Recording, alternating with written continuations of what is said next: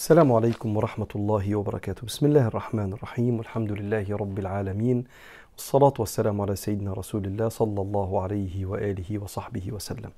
بسم الله مكملين. المجلس 23 من سلسلة الطريق. سلسلة تعلم سويا العلم الشرعي العقيدة الشمائل المحمدية ثم الفقه على المذاهب الأربعة ثم الترقية وتزكية الأخلاق. بنبدأ كل مرة بكتاب العقيدة الطحاوية للإمام أبي جعفر الطحاوي. ونبدأ مع بعض. قال سيدنا الإمام أبي جعفر الطحاوي المتوفى سنة 321 هجريا قال في كتابه العقيدة الطحاوية رحمه الله ونفعنا الله بعلومه وعلومكم في الدارين آمين. قال ونرى المسح على الخفين في السفر والحضر كما جاء في الأثر. والجهاد والحج والجهاد ماضيان مع أولي الأمر من المسلمين برهم وفاجرهم إلى قيام الساعة. ولا يبطلهما شيء ولا ينقضهما. ونؤمن بالكرام الكاتبين فإن الله قد جعلهم علينا حافظين. بيقول الإمام في كتاب العقيدة إن أهل السنة بيشوفوا إن من السنة المسح على الخفين في الوضوء. وده حكم إحنا خدناه مع بعض في الوضوء في نفس السلسلة هنا. إن الإنسان لو كان لابس الخف وعلى قول بعض العلماء الشراب التخين اللي بيغطي العظمتين اللي في الجنب اللي في الرجل ولابسه على وضوء يجوز إنه يمسح عليه. للمسافر خمس فروض يعني يوم بليلة. آسف عذرا للمقيم خمس فروض يعني يوم بليلة. وللمسافر 15 فرض يعني ثلاث أيام بلياليه ليه بيقول الإمام حكم فقهي في كتاب العقيدة علشان في بعض المذاهب الإسلامية اللي خرجت بره أهل السنة والجماعة بيشوفوا إن مفيش حاجة اسمها مسح على الخف. وكان سيدنا النبي عليه الصلاة والسلام إذا لبس الخف على وضوء توضأ ثم مسح على خفيه. حديث كتيرة جدا واردة في البخاري ومسلم. وتقدر ترجع للجزئية دي في الوضوء في كتاب الفقه على المذاهب الأربعة لسيدنا الإمام محمد بكر إسماعيل.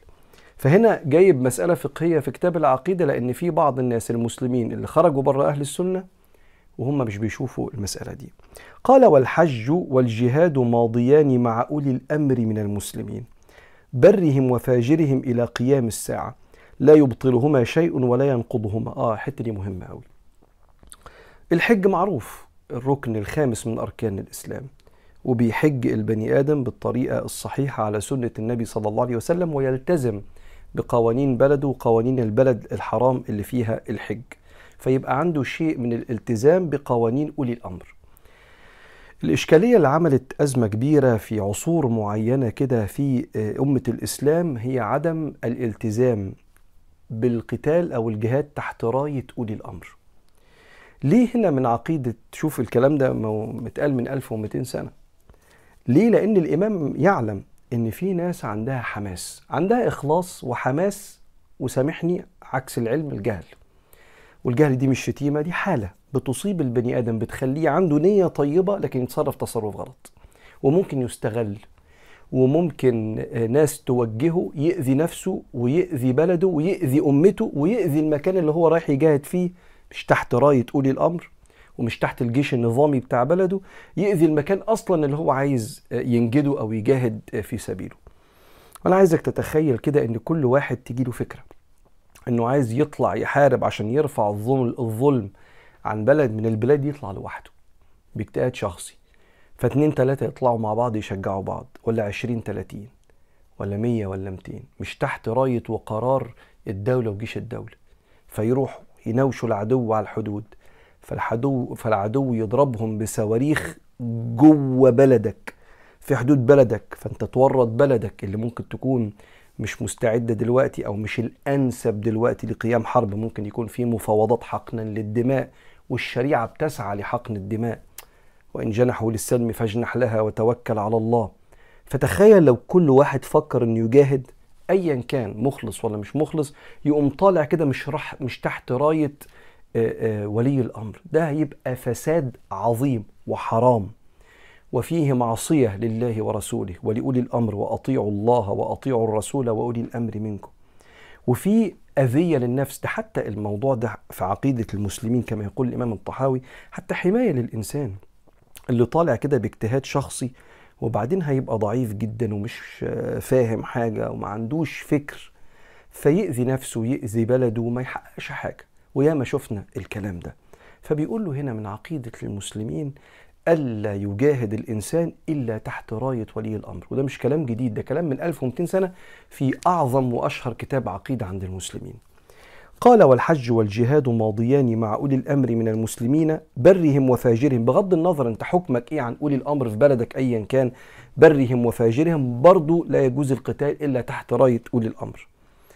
إلى قيام الساعة ولا يبطلهما شيء ولا ينقضهما. ونؤمن بالكرام الكاتبين. آه دخل في كلام عن غيبيات بقى. ربنا بيقول في القرآن وإن عليكم لحافظين يعني من الملائكة. كراما كاتبين يعلمون ما تفعلون. ويقول رب ده في سورة الانفطار. في سورة قاف ربنا يقول ما يلفظ من قول إلا لديه رقيب عتيد. يقال إن رقيب وعتيد دي أسماء ملك اليمين وملك الشمال الحسنات والسيئات ويقال كلمة رقيب عتيد يعني رقيب دقيق ما بيفوتش ولا حسنة ولا سيئة بيكتب كل حاجة. فإحنا مؤمنين إن إحنا مش عايشين لوحدنا.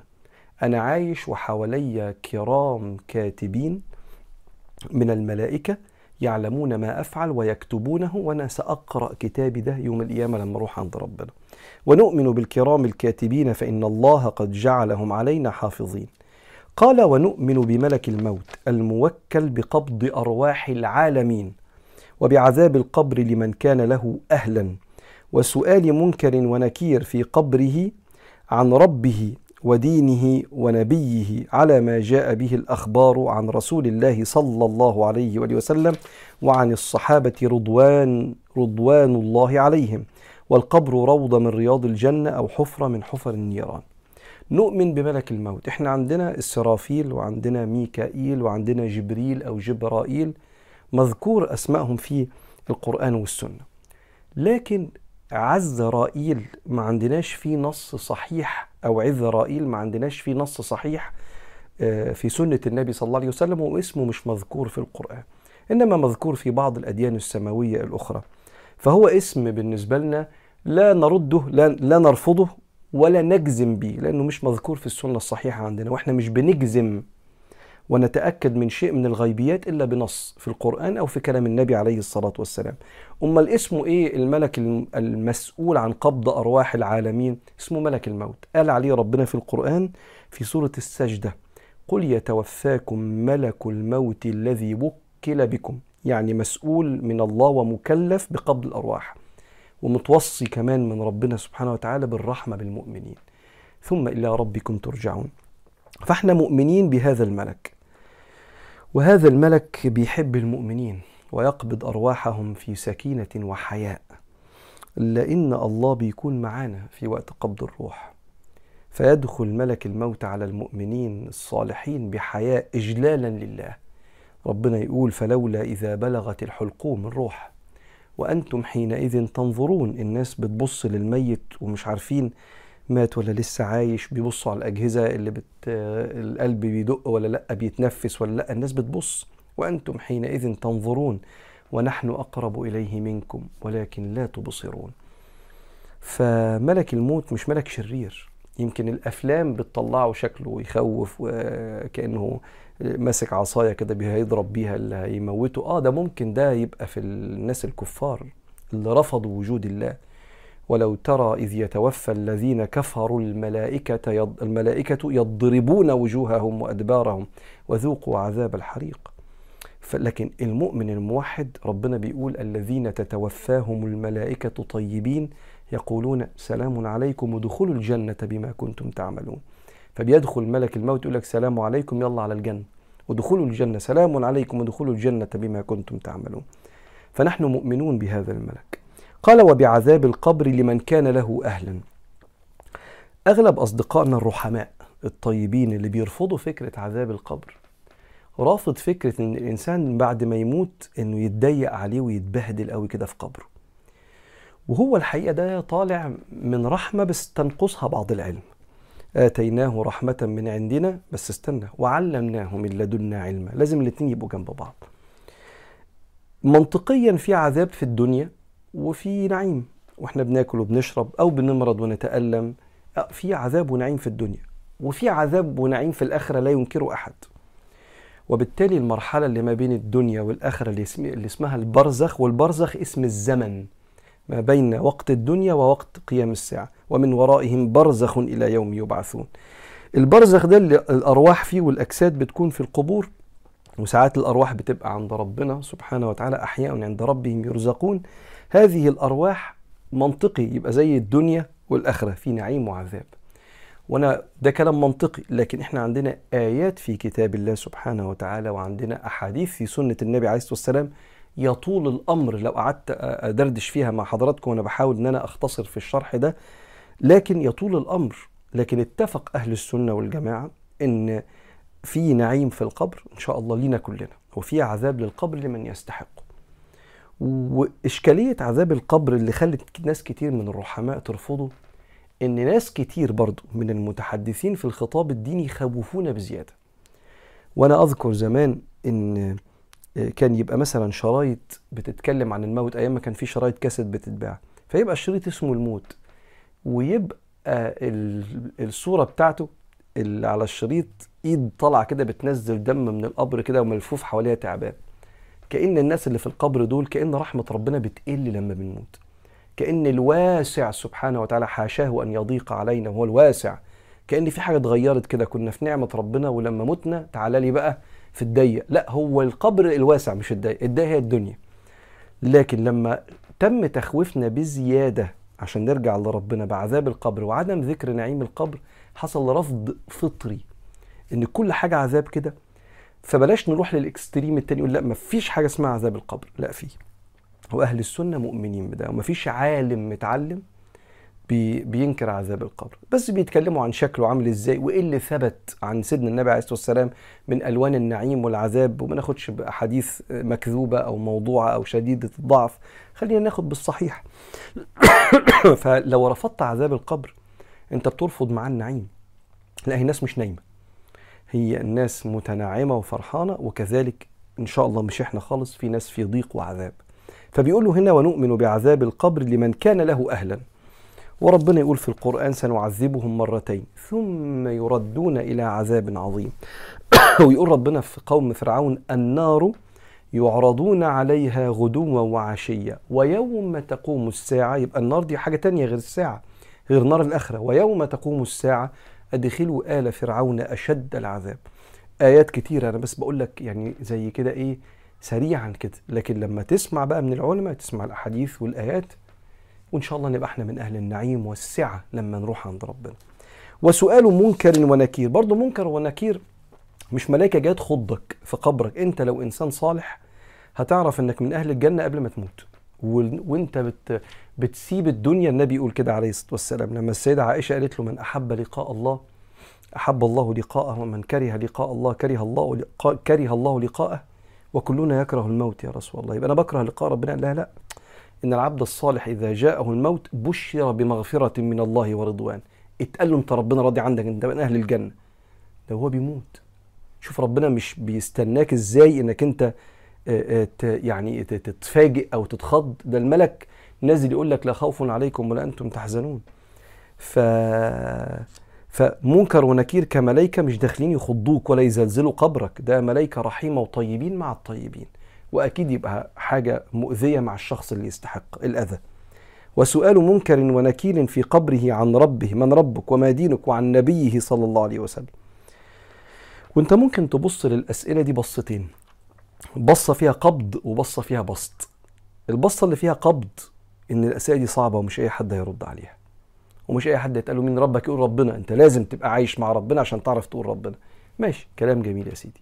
ممكن تبص بصة تانية خالص. إن أسئلة القبر مش عن تعريف الحديث الصحيح ولا عن نواقض الوضوء ولا عن اسم النبي تقول عشر أسماء في جدود النبي مع انك المفروض تبقى عارف كده ده نبيك عليه الصلاة والسلام.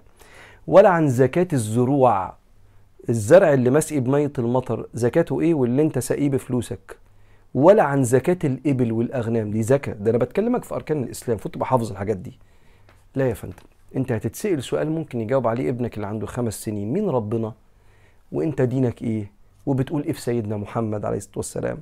فانت قد لو بصيت لها بشيء من الاطمئنان دي أسئلة سهلة قوي ربنا بيسهل فيها على الناس الطيبين.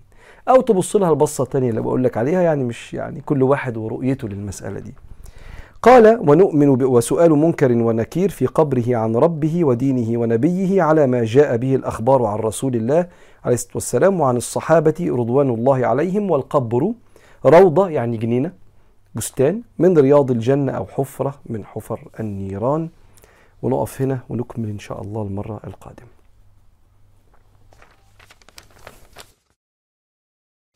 وصلنا في المجلس الثلاثة وعشرين من سلسلة الطريق لكتاب الشمائل المحمدية الكتاب الثاني في مجلسنا كل مرة وهو كتاب للإمام أبي عيسى محمد بن ثورة الترمذي المتوفى سنة 279 هجريا يتكلم فيه عن صفات النبي الخلقية في شكل النبي ولبس النبي ومقتنيات النبي والخلقية في أخلاق النبي عليه الصلاة والسلام. هدف من الكتاب أنك تتعرف على سيدنا رسول الله وتحبه وتفهم سنته. عشان لما تقرأ السيرة أو تسمعها تبقى عندك انطباع عن طبيعة النبي صلى الله عليه وسلم قبل ما تعرف قصة حياته. وصلنا إلى باب ما جاء في قراءة رسول الله صلى الله عليه وسلم. قراءة النبي يعني للقرآن. قال آه عن يعلى أنه سأل أم سلمة عن قراءة رسول الله صلى الله عليه وآله وسلم فإذا هي تنعت قراءة مفسرة حرفا حرفا. بيقول لها والنبي كان بيقرأ قرآن إزاي؟ أنت عارف إحنا ساعات ممكن نقرأ إيه؟ بسم الله الرحمن الرحيم الحمد لله رب العالمين الرحمن الرحيم. فأنت ممكن ما تفهمش قوي أو تحس إن أنا بجري. سيدنا محمد كانت قراءته مفسرة حرفا حرفا بسم الله الرحمن الرحيم. أنت شايف كل حرف وهو بيقرأ. لأنه هو اللي بيعلمك القرآن فلازم يبقى واضح صلى الله عليه وسلم وإجلالا كمان لكتاب الله أثناء القراءة. وعن قتادة قال قلت لأنس بن مالك خادم النبي عليه الصلاة والسلام وأم سلمة في الحديث اللي فات زوجة النبي عليه الصلاة والسلام. أمنا كلنا أم المؤمنين.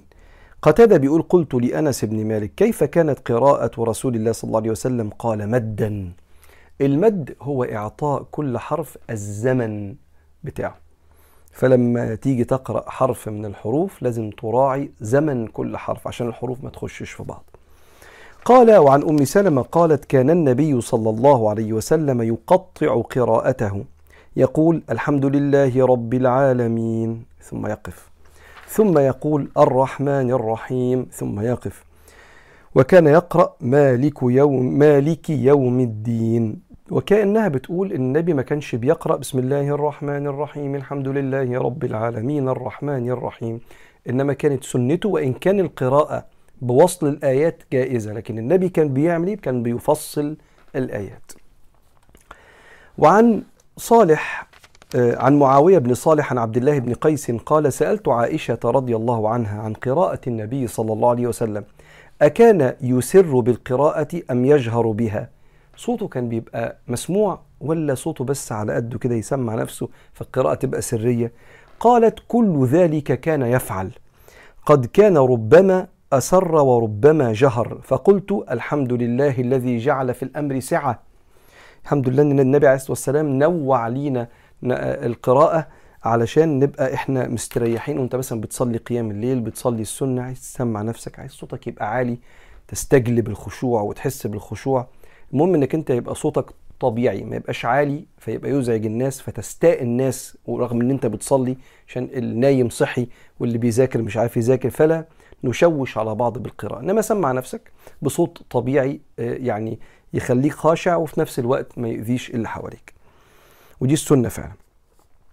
وعن آه، معاوية بن قرة قال سمعت عبد الله عبد الله بن مغفل يقول رأيت النبي صلى الله عليه وسلم على ناقته يوم الفتح يوم فتح مكة وهو يقرأ إنا فتحنا لك فتحا مبينا ليغفر لك الله ما تقدم من ذنبك وما تأخر قال فقرأ ورجع قال وقال معاوية بن قرة لولا أن يجتمع الناس علي لأخذت لكم في ذلك الصوت أو قال اللحن بيقول لما يكون سيدنا النبي عليه الصلاة والسلام داخل فتح مكة كان بيقرأ إنا فتح فتحنا لك فتحا مبينا. سورة الفتح الجزء 26 فبيقول قعد النبي يقرأ ويرجع. الترجيع يعني تحسين الصوت وتجويد الصوت.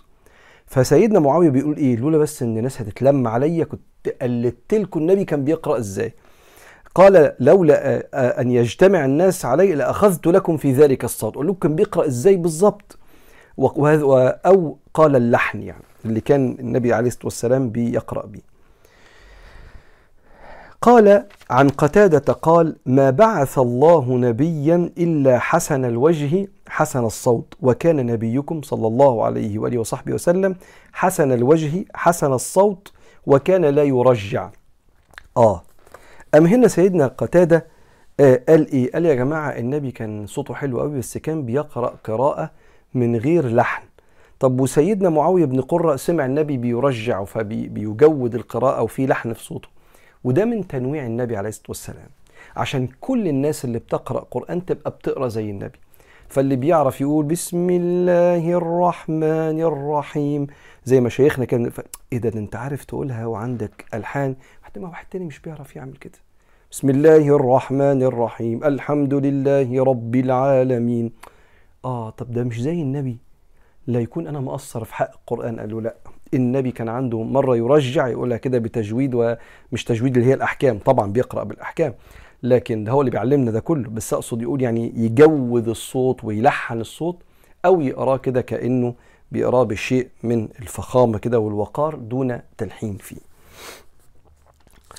الله تعالوا نقف هنا عشان المرة الجاية نقرأ باب ما جاء في بكاء رسول الله صلى الله عليه وآله وسلم.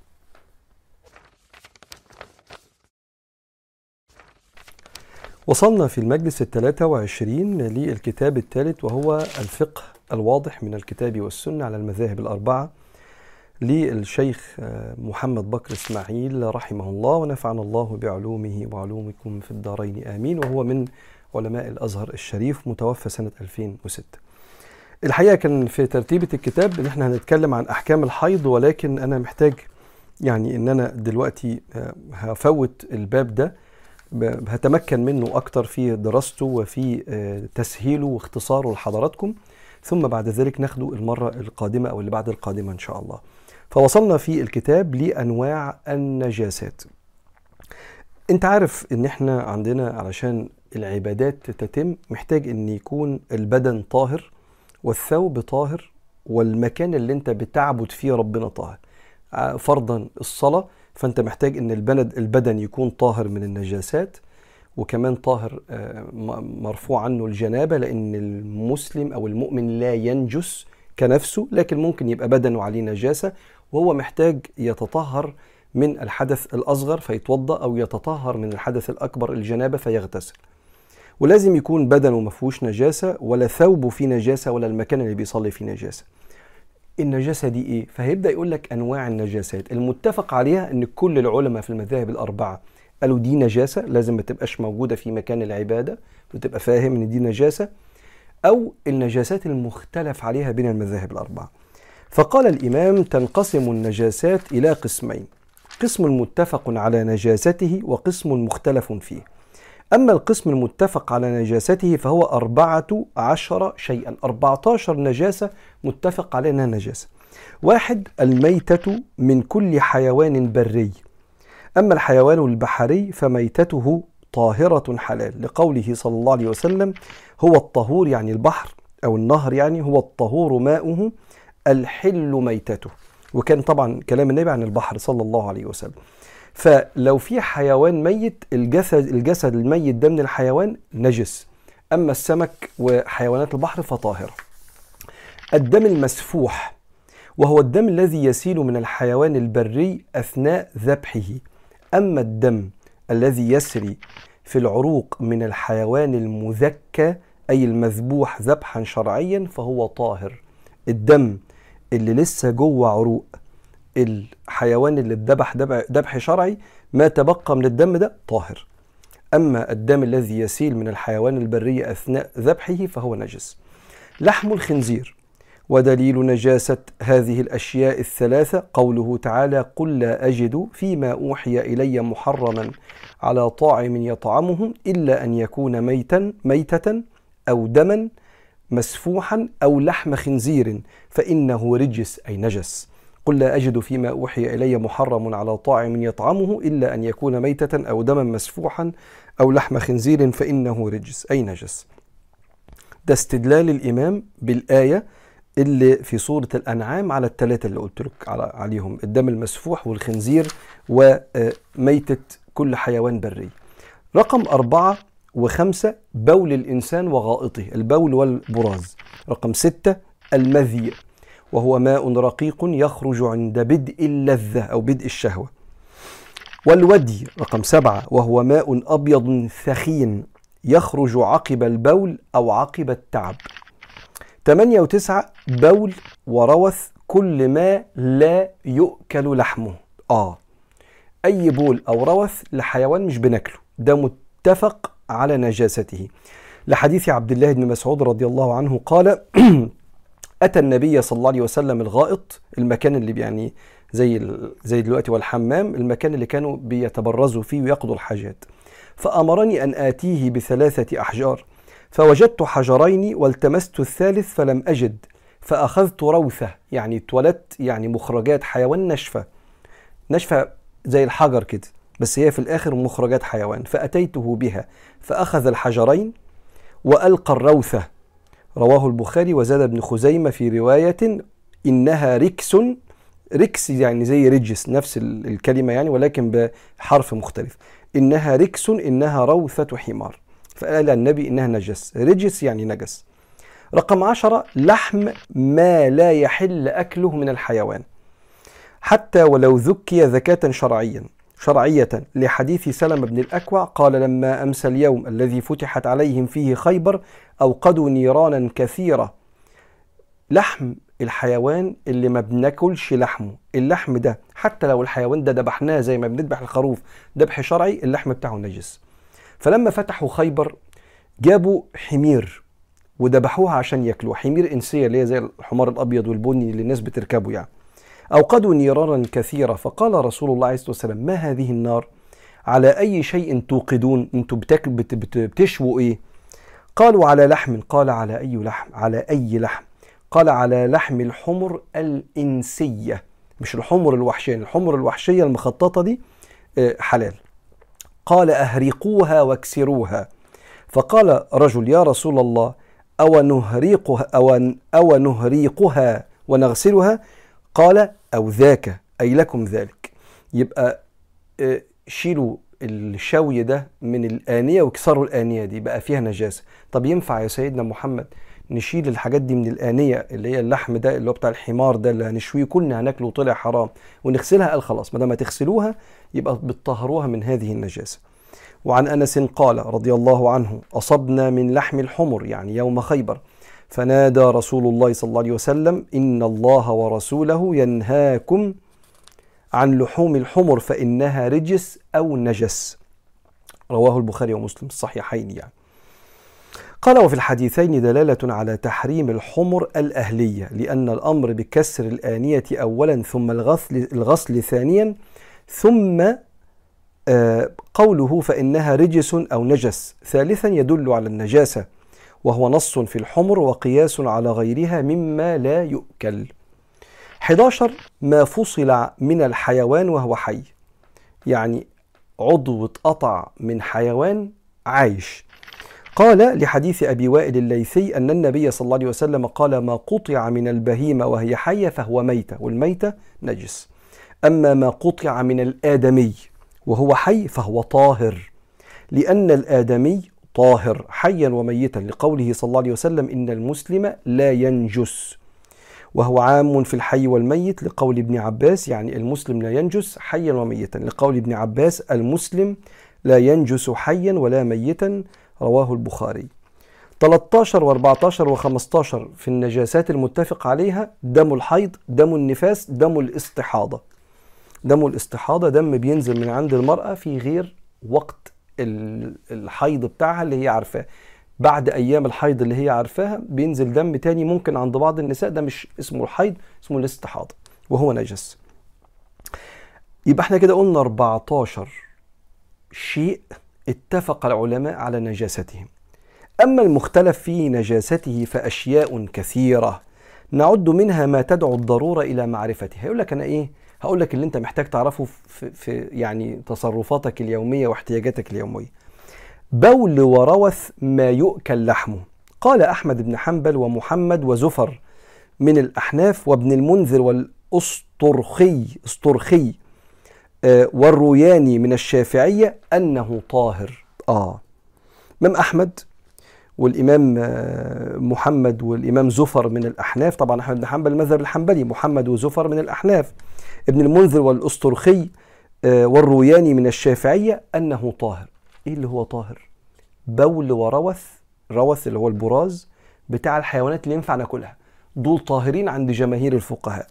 واستدلوا بما أخرجه البخاري ومسلم عن أنس رضي الله عنه قال قدم أناس من عكل أو عرينة فاجتووا المدينة أي أصابهم الجوع وهو أي أصابهم الجوى وهو المرض. فأمرهم النبي صلى الله عليه وسلم بلقاح وأن يشربوا من أبوالها وألبانها واللقاح جمع لقحة وهي الناقة ذات اللبن.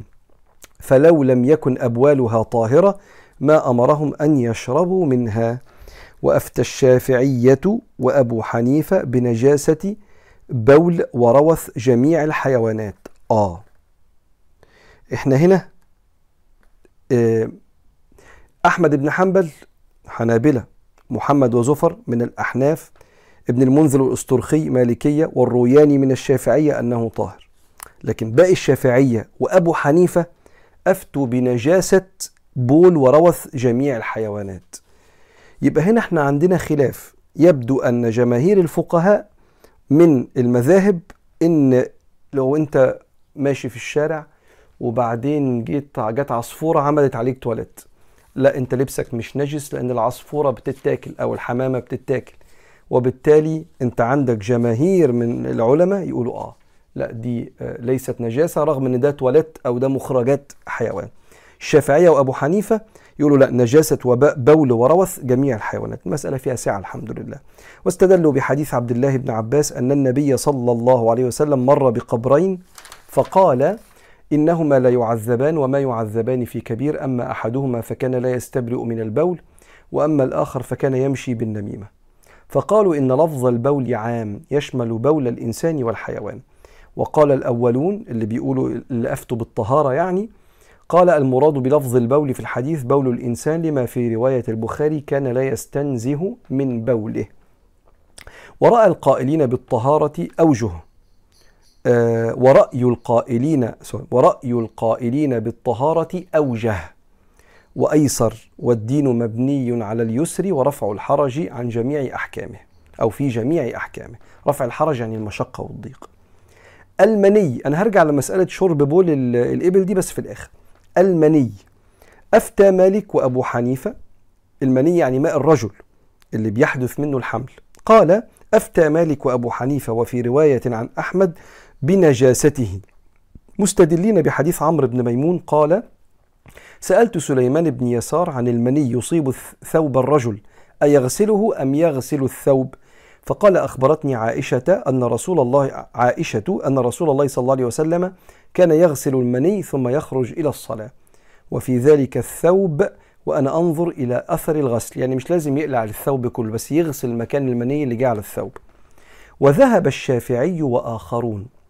وفي أصح الروايتين عن أحمد إلى طهارة المني مستدلين بحديث عائشة قالت كنت أفرك المنية من ثوب رسول الله صلى الله عليه وسلم فيصلي فيه رواه الطحاوي وأبو داود. ومستدلين أيضا بحديث همام بن الحارث رضي الله عنه قال نزل بعائشة ضيف فأمرت له بملحفة صفراء فنام فيها فاحتلم فاستحيا أن يرسلها إليها وبها أثر الاحتلام فغمسها في الماء ثم أرسل بها.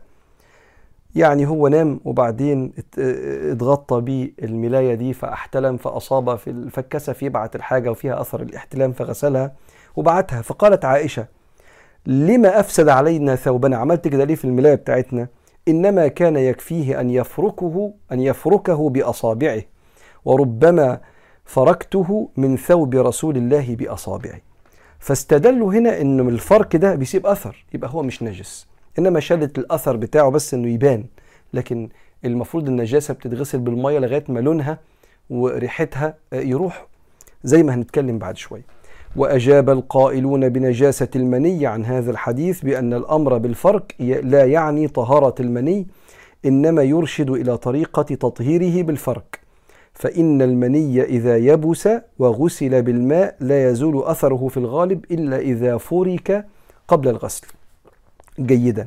فبيقولوا الناس اللي بتقول لا ده يا جماعة آه، ده المني مش طاهر ده نجس بس هي بتعلمنا نغسله إزاي نفركه الأول. المهم إن المسألة خلافية ما بين الفقهاء هل المني طاهر أم نجس؟ فاعرف المعلومة دي عشان أنت ممكن تكون محتاجها. والمسألة الخلافية تاخد فيها بالأنسب والأيسر لك. من الأشياء المختلف في نجاستها وكتير من الناس ما تعرفش الموضوع ده لعاب الكلب. قال الأحناف والشافعية وأحمد والجمهور أنه نجس. قال واستدلوا بحديث أبي هريرة رضي الله عنه قال قال رسول الله صلى الله عليه وسلم طهور إناء أحدكم إذا ولغ فيه الكلب أن يغسل أو أن يغسل سبع مرات أو يغسل سبع مرات أولاهن بالتراب. وقال مالك إن الكلب طاهر فلعابه طاهر. وقال إنما يغسل الإناء الذي ولغ فيه الكلب لاستقذاره عشان لعاب الكلب شيء قذر لا لنجاسته. وقد روى ابن وهب عنه القول بنجاسته لكن القول الأول هو المشهور عنه. بيقول إيه بقى العلماء؟ بيقولوا الشافعية والأحناف والحنابلة لعاب الكلب نجس. يعامل معاملة البول نجس. لازم يتغسل لو جه على حاجة أو على جسمك بالمية لغاية ما ريحته ولونه يطلع.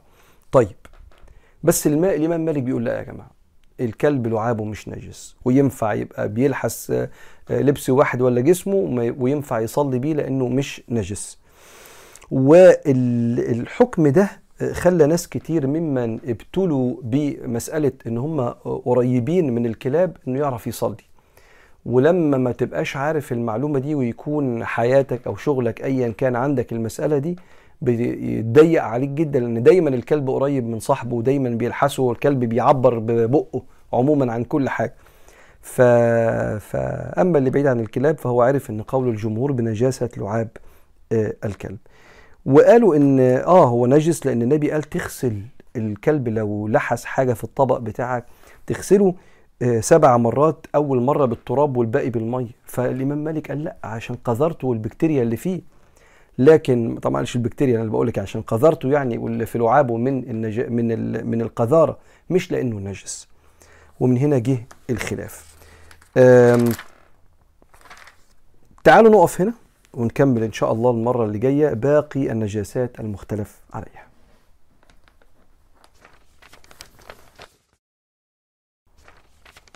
وصلنا للكتاب الرابع والأخير في المجلس الثلاثة وعشرين من سلسلة الطريق وهو كتاب أيها الولد. للإمام الكبير حجة الإسلام أبو حامد الغزالي المتوفى سنة 505 هجريا. قال رحمه الله ونفعنا الله بعلومه وعلومكم في الدارين آمين.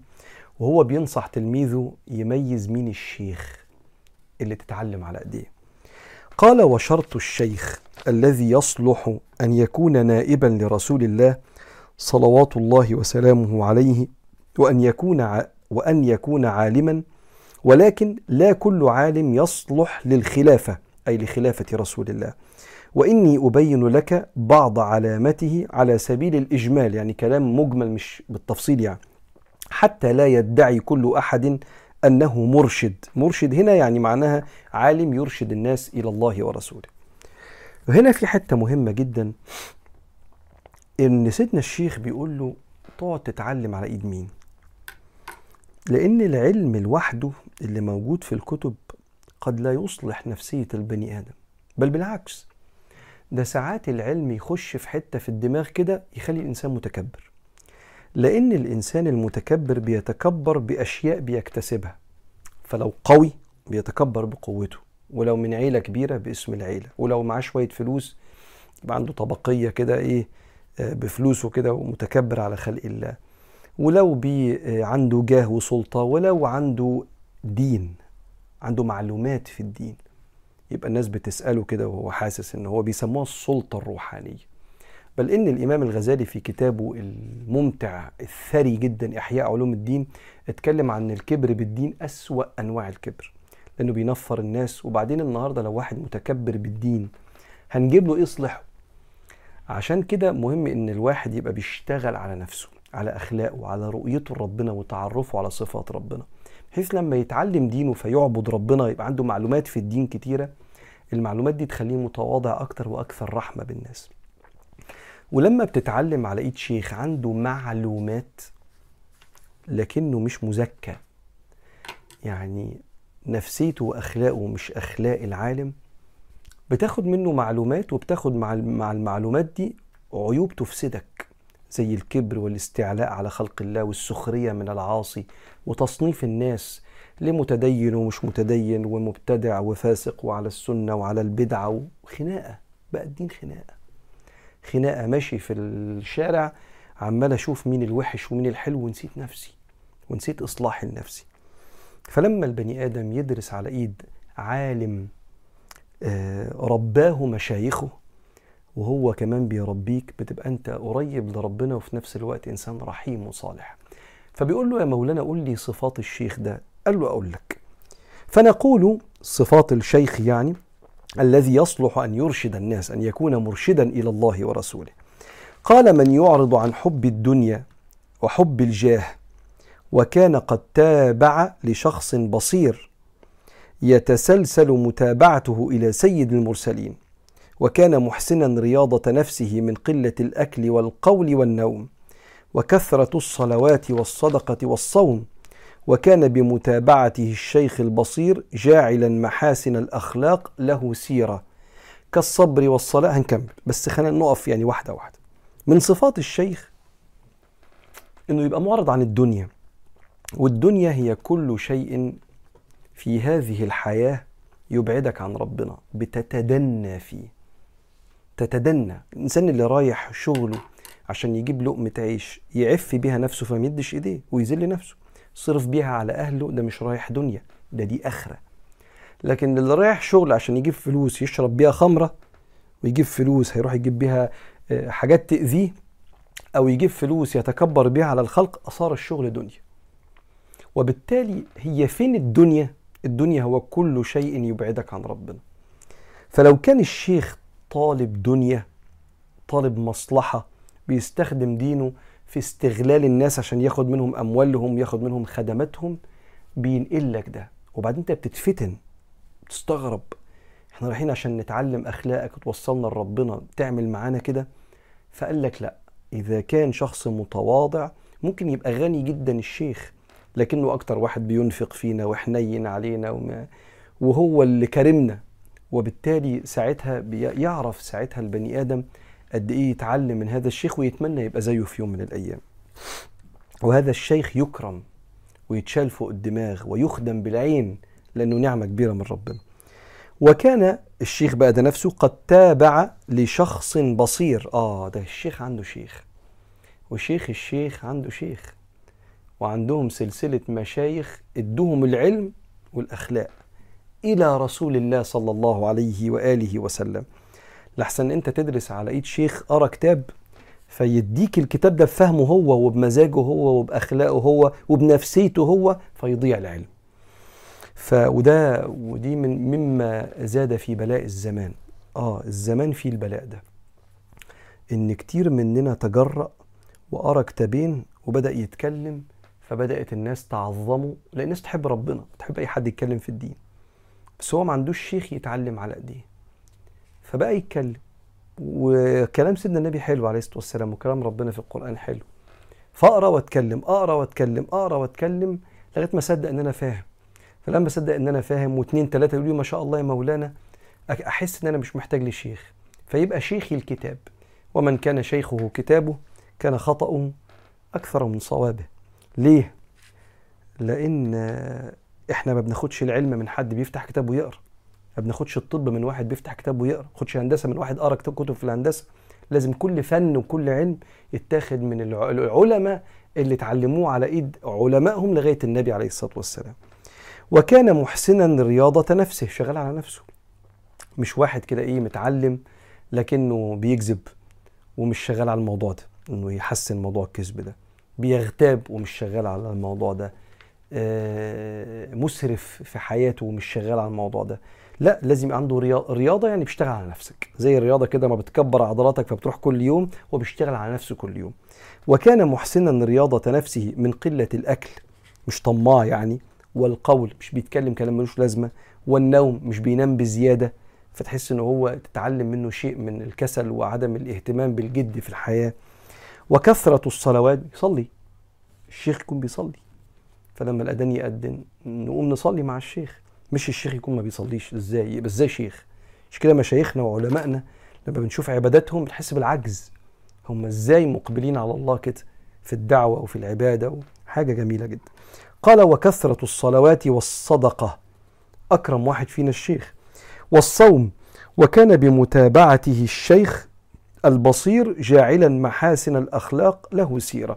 وبسبب إن عنده شيخ فضل يتتلمذ على أيديه ويقعد تحت رجليه يتعلم اللي بيصدره دايما للناس حسن الأخلاق.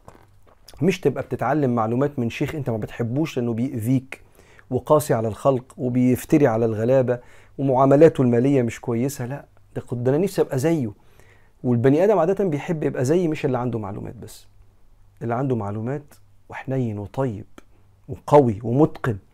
وبالتالي هو بيقول له دلوقتي صفات الشيخ.